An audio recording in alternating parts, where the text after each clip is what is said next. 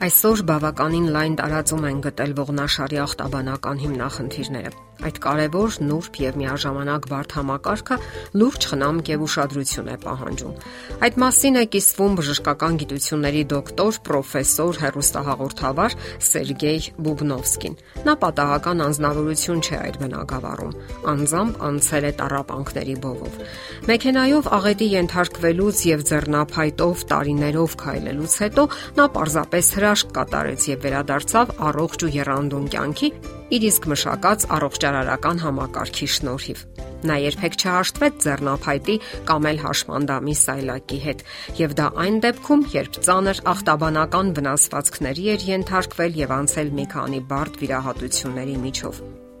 Պրոֆեսորն այսօր լուրջ փոփոխությունների է ենթարկում իր հիվանդների գիտակցությունը։ Նա պնդում է, որ ողնաշարը չի կարող ցավել, իսկ ահա կյանքի սյան վիճակը ուղղակիորեն արտացոլվում է մարդու առողջական վիճակի վրա եւ նա իր մտեցումն է առաջարկում այդ հիմնախնդիրը լուծելու համար։ Ողնաշարն ասում են, պարզապես ոսկորների ու աճառների, ողերի ու սկավառակների հավաքածու չէ։ Դա մի ամրոց է, որի ներսում թաքնված է կենտրոնական նյարդային համակարգի ողնուղեղը, ինչպես նաեւ կարմիր ողնուղեղը, որը արտադրում է էրիթրոցիտներ եւ պատասխանատու է իմունիտետի եւ հեմոգլոբինի համար։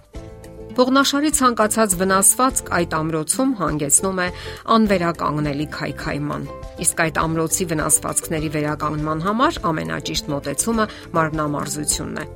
որովհետև մկաններն են համարվում բուժական գործոնը։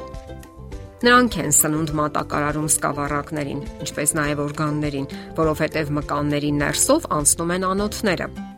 Եվ երբ ցավերի դեպքում նշանակում են անզգայացնող դեղամիջոցներ, դա լավագույն ելքը չէ, որովհետև անհրաժեշտ է գտնել պատճառը եւ վերացնել այն։ Իսկ այսօր ապացուցված է, որ դեպքերի 50%-ում դրանք հանգեցնում են ինֆարկտի կամ ինսուլտի։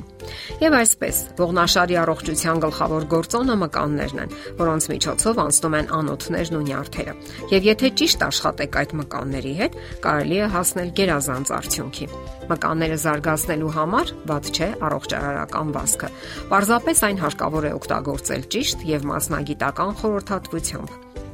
Հարկավոր է հետևել թե պուլսին, թե ինքնազգացողությանն ընդհանրապես։ Այլապես օգուտը կարող է չլինել։ Մի փոքր ավելի մանրամասն նկարագրենք ողնաշարի կառուցվածքը, այն ճիշտ պատկերացնելու համար։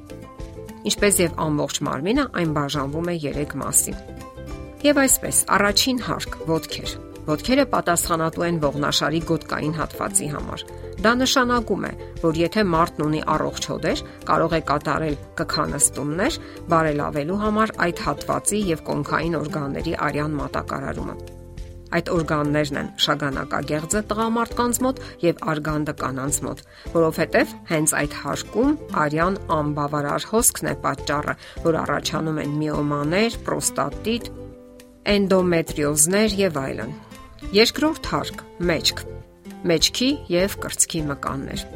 Առաջարկում են այսպես կոչված պրեսիվ արժություններ՝ պարկել մեջքի վրա եւ բարձրացնել իջեցնել ոտքերը։ Այդ ժամանակ նվազում են ներվորովայնային, ներկրծքային եւ ներգանգային ճնշումը։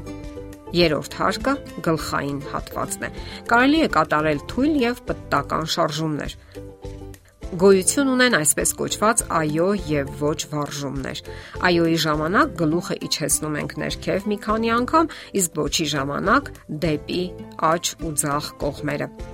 Ինչպես նաև այլ շարժումներ ընդཐུպ մինչև պտտական։ Անհրաժեշտ է հիշել մի པարս ճշմարտություն. Կյանքը շարժում է, սակայն ցավոք կյանքում ստացվում է այնպես, որ մարդիկ դրա մասին հիշում են. Միայն այն ժամանակ, երբ արդեն հիմնախնդիրներ են հավաքում օրգան համակարգերում, կամ էլ երբ արդեն կորցրել են շարժվելու ունակությունը, եւ ահա նրանք հուսահատ վազում են բժիշկների մոտ։ Սակայն լավագույն ելքը հենց ամենասկզբից առողջության մասին մտածելն է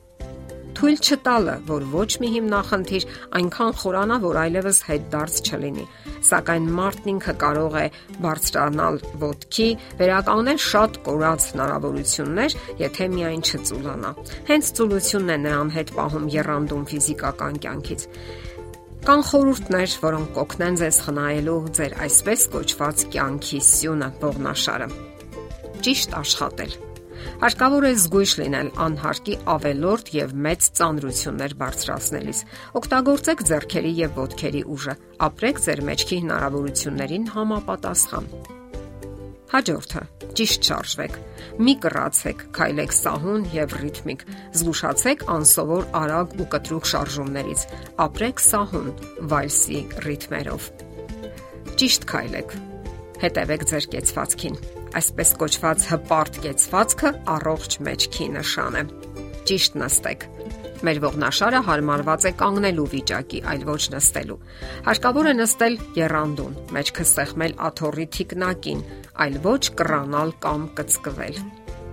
Ճիշտ կանգնել։ Սա եւս շատ կարեւոր է։ Ուշադիր եղեք ձեր աթոռին եւ աշխատանքային հաստոցին կամ սեղանին։ Դրանք պետք է լինեն հարմար բարձրության Դուք չպետք է անիմաստ լարվեք։ Հակառակ դեպքում ճողվածքները անխուսափելի են։ Զգուշացեք նաև ավելորտ քաշից։ Դա ավելորտ եւ մշտական ծանրաբեռնվածություն է ձեր ողնաշարի համար։ Իսկ ընդհանուր առմամբ կարևոր է ճիշտ քնելը, ճիշտ սնվելը,